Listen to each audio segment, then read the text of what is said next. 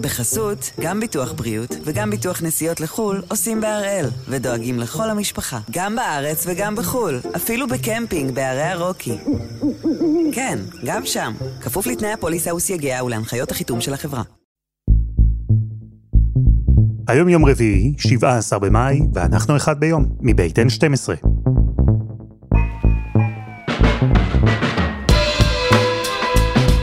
אני אלעד שמחה יופי, אנחנו כאן כדי להבין טוב יותר מה קורה סביבנו, סיפור אחד ביום, בכל יום.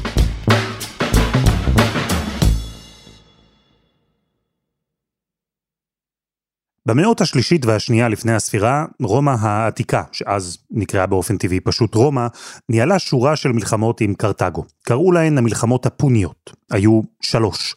אלו המלחמות שהפכו בסוף את רומא למעצמה עולמית, אבל הם גם רוקנו את הקופה הציבורית ובעיקר פגעו בחקלאים ובחקלאות.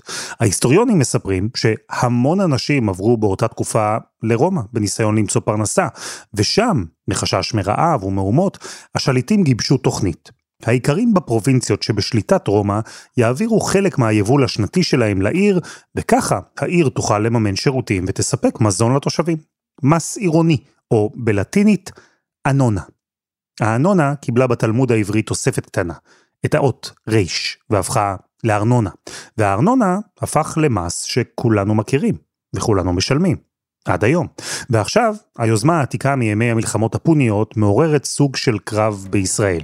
לא מלחמה בסגנון רומי עתיק אמנם, אבל מאבק לא קטן. אנשים לא גומרים את החודש, אני נמנע, אני. בעד מנגד. אני רואה, שודדים את הקופה הציבורית. מתביישת בשם תושבי מדינת ישראל. בצדק. נכון. וכל זה קורה, אחרי שבממשלה החליטו להוציא לפועל תוכנית מאוד שנויה במחלוקת. תוכנית שתיקח חלק מכספי הארנונה ותחלק אותם מחדש. אז הפעם אנחנו עם הוויכוח על קרן הארנונה.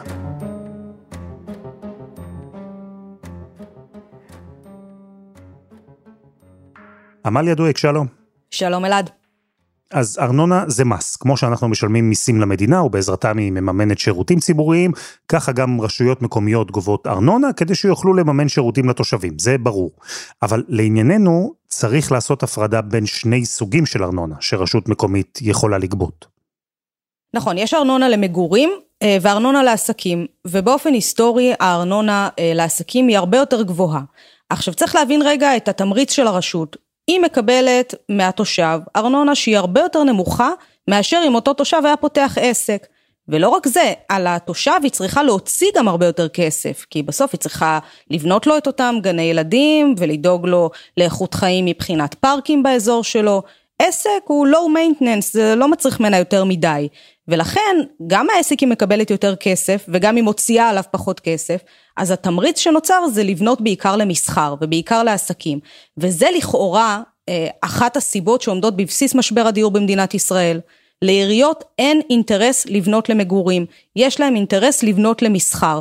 אם עכשיו עירייה אה, רואה שיש לה איזשהו תא שטח, היא תחשוב הרבה מאוד פעמים לפני שהיא תבנה שם אה, עוד מגורים. ואגב, אנחנו רואים את זה גם בעיריות הכי חזקות. גם בתל אביב למשל, מאוד מאוד מאוד קשה אה, לאשר הרבה יחידות דיור, כי אין תשתיות מספיקות. אתה יודע, בשביל אה, דיור אתה צריך עוד ביוב, עוד תשתיות של כבישים, עוד אה, גני ילדים כאמור, עוד פארקים, עוד שירותים לתושבים, ומסחר מצריך ממך הרבה פחות מכל הדבר הזה. וזה עמליה יצר מצב שבו בישראל יש אה, המון שטחי מסחר. יש נתונים שמראים שאושרו בשנים האחרונות פי חמישה יותר שטחי מסחר ממה שבכלל צריך לעתיד הקרוב, כי זה מקור הכנסה מרכזי לרשויות. אבל אם העיוות הזה יצר מצב שבו יש אינטרס לאשר שטחי מסחר ופחות שטחי מגורים, למה פשוט לא לאזן ולהפוך את שטחי המגורים לדבר יותר משתלם עבור העירייה, נניח בהעלאת ארנונה? זו דרך המלך. כלומר, דרך המלך הייתה כאן להעלות את הארנונה למגורים. העניין הוא שלאף אחד אין את האומץ לעשות את זה מבחינה פוליטית. להעלות ארנונה למגורים זה במילים אחרות להעלות את המיסוי על תושבי מדינת ישראל. אף אחד לא יעשה את זה. אני אגיד לך יותר מזה, אה, בכל שנה, ובאמת הסיפור של הארנונה הוא ממש מערב פרוע, כלומר כל רשות קובעת לעצמה כמה היא גובה, ולפני כמה שנים הכניסו את זה בעצם אה, לכך שמשרד הפנים יצטרך לאשר כל העלאה. כל עירייה שרוצה להעלות את תעריף הארנונה צריכה לפנות פעם בשנה למשרד הפנים, או שמאשרים או שלא. וכל פעם נוצר סביב זה כזה קרב, כי שר הפנים אפילו לא רוצה להיות חתום, למרות שזה אפילו לא הוא הגיש את הבקשה. הרשויות מבקשות להעלות את הארנונה, ועדיין זה כאילו שאלה האם הפוליטיקאי יאפשר את זה או לא יאפשר את זה. אז בטח שקשה לראות מצב שעכשיו השלטון המרכזי יבוא ויגיד, אנחנו מעלים את הארנונה למגורים, משהו שכל אחד מאיתנו ירגיש בכיס שלו, כי זה פשוט אה, כמו להעלות מיסים, וזה אף פעם לא פופולרי.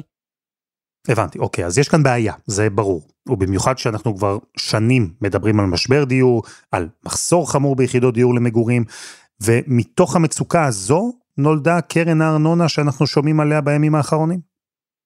קרן הארנונה אה, נוסדה במסדרונות משרד האוצר, יש האומרים כבר לפני יותר מעשר שנים.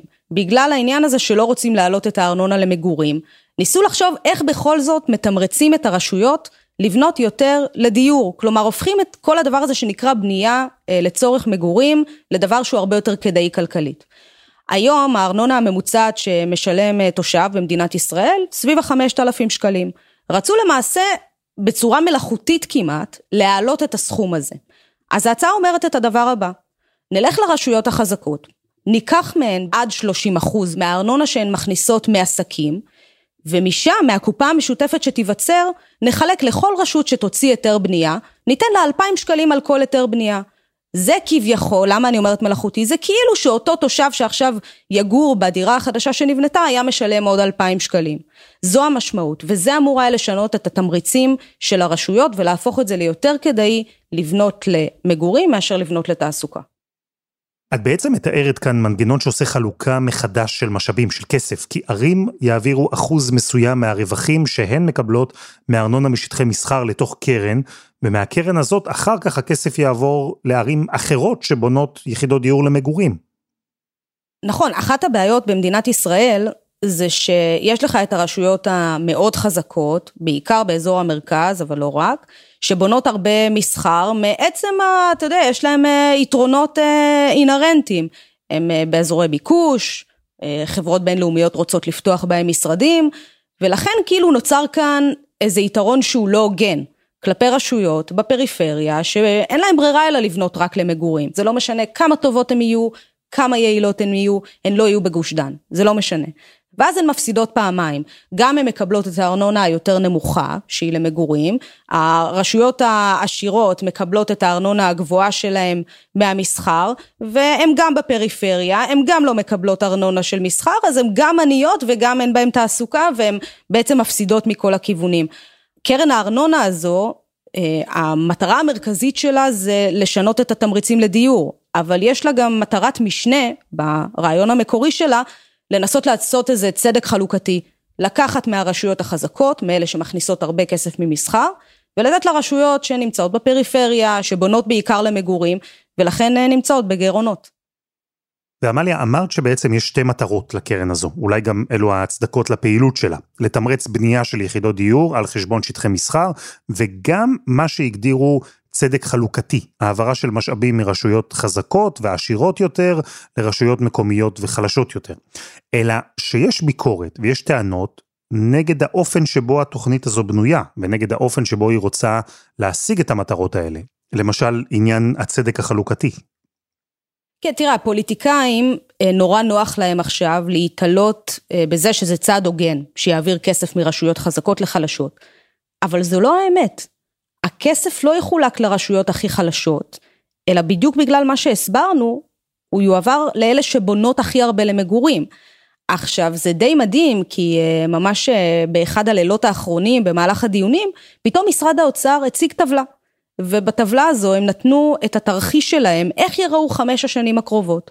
ואתה רואה שם אלעד עיוותים. אני אתן לך כמה דוגמאות. למשל בית שאן שבצפון רשות חלשה תשלם לקרן הארנונה 680 אלף שקל בחמש השנים הקרובות, כי היא למשל בונה בעיקר למסחר ולא למגורים, ולעומת זאת, רמת השרון, עם הווילות והרחובות המטופחים, שבונה בעיקר למגורים, אבל לשכבות מאוד חזקות, היא תקבל כסף מקרן הארנונה, יותר משני מיליון שקל בשנתיים הקרובות.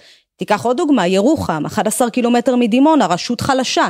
היא תשלם לקרן 200 אלף שקל, היא לא תרוויח מהמהלך הזה. גם מצפה רמון, עם, אתה יודע, אוכלוסייה שמשוועת שם לעבודה, הם לא ייהנו מהקרן, יש שם באזור שטחי מסחר ומלונות, ולכן גם מצפה רמון תשלם 320 אלף שקל. ולעומת זאת סביון, מהיישובים העשירים בישראל, שבונה בעיקר וילות, היא לא צריכה שטחי מסחר, היא תקבל מקרן הארנונה 665 אלף שקל. אז הטיעון הזה של צדק אה, חלוקתי הופך להיות מאוד מאוד חלש מרגע שאנחנו רואים את התרחישים האלה של אה, אה, משרד האוצר. אז זהו, זה באמת דבר מדהים ששמענו בימים האחרונים. עיר כמו אילת, שיש בה המון שטחי מסחר, כי יש מלונות, חנויות, מסעדות, זה טבעי לעיר תיירות, היא תצא מופסדת. ראש העיר דיבר על זה בדיון בכנסת. אדוני היושב ראש, אתה פתחת ואמרת שהחוק הזה טוב כי הוא לוקח מהעשירים ומעביר לעניים. ישב פה שר האוצר בישיבות הקודמות ואמר שהמטרה של החוק הזה היא להיטיב עם הפריפריה. החוק הזה הולך לפרק את העיר הפריפריאלית ביותר במדינת ישראל. זה מה שהוא הולך לעשות. אז איך מגיבים במשרד האוצר לטענות האלה? הם הרי אמרו שיש כאן מודל בסגנון אה, רובין הוד. הטיעון שבינתיים כביכול מתחזק זה באמת שקרן הארנונה נועדה לתמרץ בנייה למגורים. אז אומרים באוצר, אם כל הרשויות האלה שהן חלשות יותר, ישנו בעצם את התמהיל ויבנו יותר למגורים, זה יהפוך להיות להם הרבה יותר כדאי. אבל הניסיון של הפוליטיקאים להתעלות בסוגיה הזו של, כמו שאמרת, איזה רובין הוד, זה ממש לא מחובר לפחות כרגע לנתונים בשטח. והנקודה אולי אה, הכי צורמת בעניין הזה, שככל שמתבססים על הסוגיה הזו של היתרי בנייה, מפלים מאוד לרעה כרגע את המגזר הערבי, שאנחנו יודעים ששם כל סוגיית אה, היתרי הבנייה אה, היא מאוד בעייתית, וככל שאתה נותן 2,000 שקל על כל היתר בנייה, ברור שרשויות ערביות ייהנו מזה הרבה פחות. כן, אבל גם הטיעון שאומר לעיר כמו אילת, תבני יותר מגורים וככה תקבלי כסף מהקרן, הוא, הוא טיעון בעייתי, כי זה לא שיש היום רשימת המתנה לאנשים שמעוניינים לעבור לגור באילת, או בערים אחרות בפריפריה לצורך העניין. ואם הערים האלה יבחרו לבנות מגורים, ולא מקומות תעסוקה מסחריים, יהיה להן אפילו קשה יותר להביא תושבים. אבל עמליה זו הרי לא הביקורת היחידה שאנחנו שומעים, כי בעצם מדברים גם על צעד חריג שעושה המדינה, שמכניסה יד לתוך הכיס של הרשויות המקומיות, ולוקחת מהן מס, ארנונה, כסף ששייך להן, כסף שראשי העיריות אמורים להחליט בעצמם איך להוציא אותו. זה טיעון חזק, תראה, באופן כללי יש חשש של הרשויות המקומיות, שהוא מאוד מבוסס על ניסיון העבר, שיקחו מהן כסף ולא יחזירו אותו. הייתה בעבר למשל קרן ניקיון, הצטברו בה כמה מיליארדים, הייתה קרן אה, לטובת העולים שהייתה אמורה לעודד אה, סיוע לקליטת עלייה ברשויות, גם כן הצטבר שם כסף, הוא לא חזר אחרי זה לרשויות המקומיות, ויש כאן איזה חשש שתיווצר כאן עוד קופה קטנה של האוצר, שלך תדע איך ישתמשו בה. איך אתה מבטיח עכשיו לציבור באקלים הנוכחי שיקחו עכשיו מאות מיליונים מהכסף של אזרחים ברשויות חזקות, ולא רק כפי שהראינו, אלא ייקחו כסף מהכיס של האזרחים ובאמת יתעלו אותו למקומות הנכונים. זה קצת אה, מוטל בספק. באוצר אומרים כמובן שזה לא יקרה. ובואי נצא מנקודת הנחה שזו באמת תהיה קרן סגורה, ייעודית, המדינה לא תיקח את הכסף, והוא יעבור כמו שמתוכנן לרשויות. הסכומים שמדברים עליהם, יכולים להביא לשינוי של בניית יחידות דיור? זה משהו שיכול בכלל להקל על משבר הדיור? ברמה המדינתית זה סכומים שהם על סף הזניחים, בטח כשאתה מסתכל על משבר הדיור בכללותו. ההערכה היא במשרד האוצר שהצטברו בקרן הזו סביב ה-170 מיליון שקל בשנה הקרובה, אחרי זה אולי קצת יותר מכך. זה טיפה בים, אה, בהיבט בטח של בנייה, בטח של תשתיות, של הצורך של עיריות להקים תשתיות כשמקימים אה, דיור, זה לא משהו שהוא אה, משנה מציאות. אחת הדוגמאות המדהימות היא אשקלון, אחת הערים הכי מתפתחות בישראל. מאשרים שם הסכמי גג עם אלפי יחידות דיור. לפי התרחיש של משרד האוצר, היא הייתה מקבלת מהקרן הזו 3.7 מיליון שקל בשנה. זה, זה כלום. זה לא מספיק כדי, אה, אתה יודע, לשדרג טיפה את המדרכות בשכונה, זה ממש אה, זניח. אז לא רק שיש בעיה עם עניין הצדק החלוקתי, נשמע שגם במבחן התוצאה זה כלי שלאו דווקא יתמרץ רשויות לבנות עוד יחידות דיור למגורים. אז זו בעיניי הביקורת הכי משמעותית באמת ברמה הכלכלית. בסוף מסתכלים על זה כרגע, מכל המישמש שנהיה, מכל ההצעה המקורית. א', הורידו משמעותית את הסכום שאמור להצטבר בקרן, שינו את הקריטריונים, וזה בעצם הופך את כל הדבר הזה למשהו שהוא nice to have, זה יכול להיות אחלה פתרון משלים במסגרת איזו תוכנית רחבה על משבר הדיור, אבל זה בטח לא איזה פתרון קסם. עכשיו, אתה יודע, הממשלה כבר הרבה מעבר למאה הימים שלה, קבינט הדיור עוד לא התכנס, עוד לא הוצגה תוכנית דיור ממשית, וממהרים לאשר את קרן הארנונה בתוך חוק ההסדרים, כאילו שזה יהיה איזה משהו שישנה כאן את המשוואה. זה לא. וצריך לומר את זה לציבור. כלומר, כרגע מציגים את זה גם כאיזה משהו שיכול להיות פתרון למשבר הדיור, וגם כאיזה צדק חלוקתי, זה לא אף אחד מהם. זה לא אה, יקדם צדק חלוקתי בצורה מובהקת, וזה בטח לא יפתור את משבר הדיור בצורה מובהקת.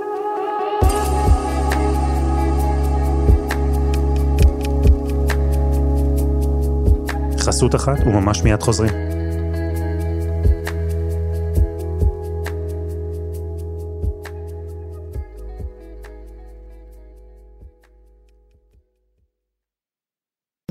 בחסות, גם ביטוח בריאות וגם ביטוח נסיעות לחו"ל עושים בהראל, ודואגים לכל המשפחה, גם בארץ וגם בחו"ל, אפילו בקמפינג בערי הרוקי.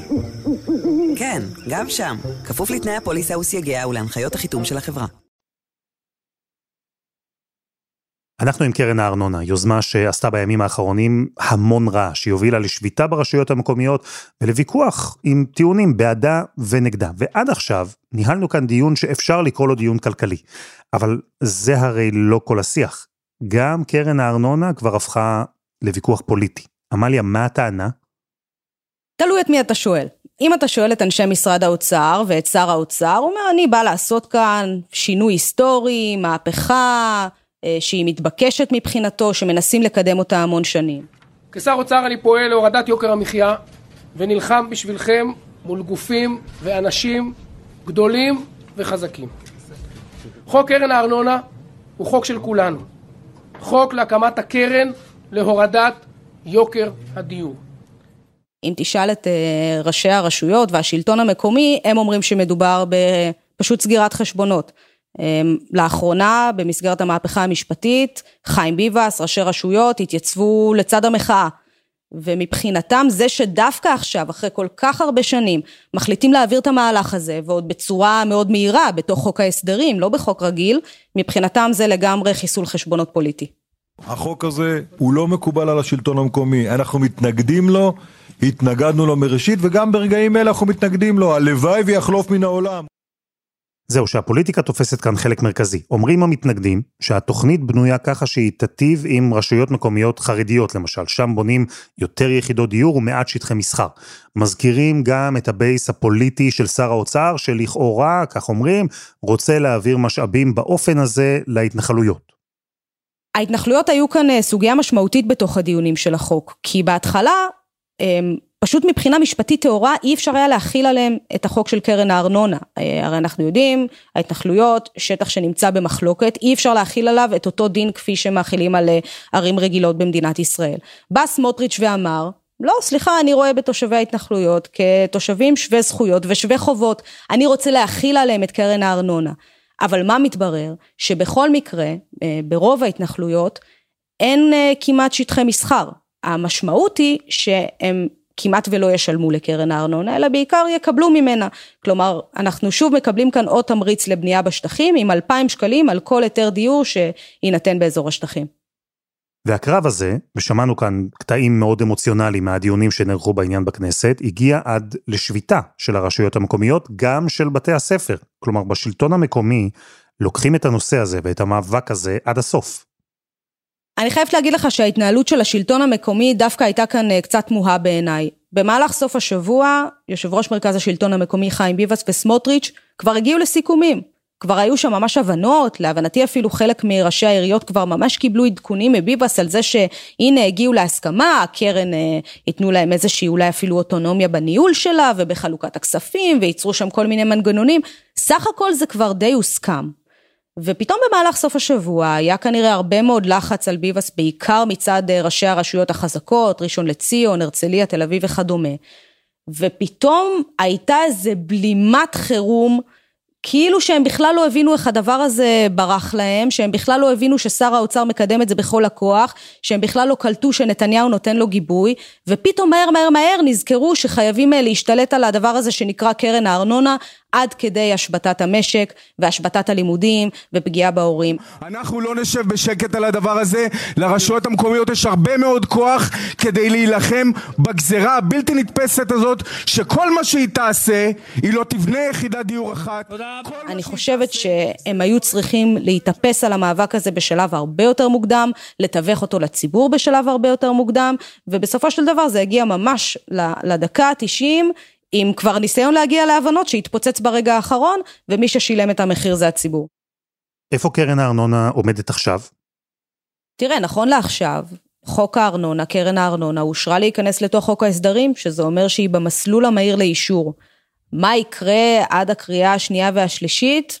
לא יודעת להגיד לך, נכון להיום השביתה עדיין נמשכת, כבר יומיים של שביתה, לא יודעת איך זה ייראה בהמשך, אבל כרגע עושה רושם שזה במסלול המהיר לאישור.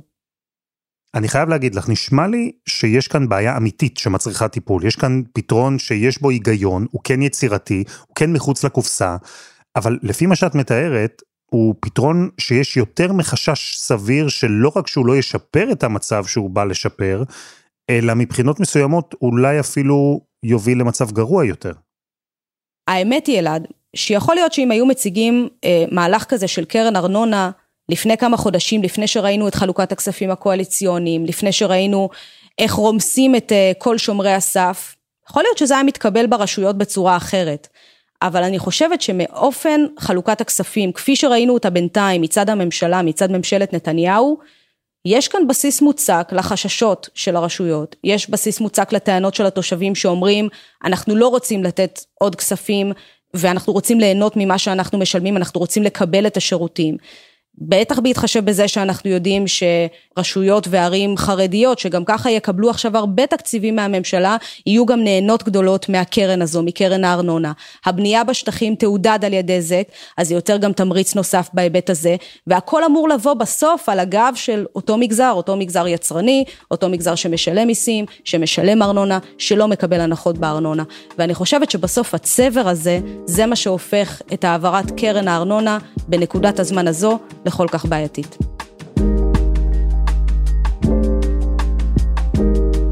עמליה דואק, תודה. תודה אלעד.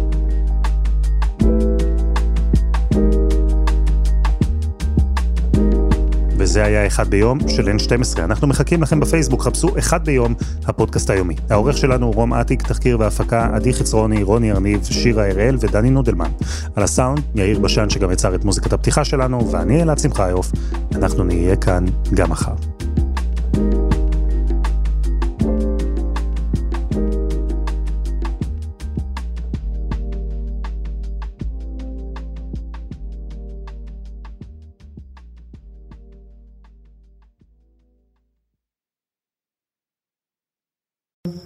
בחסות, גם ביטוח בריאות וגם ביטוח נסיעות לחו"ל עושים בהראל, ודואגים לכל המשפחה, גם בארץ וגם בחו"ל, אפילו בקמפינג בערי הרוקי.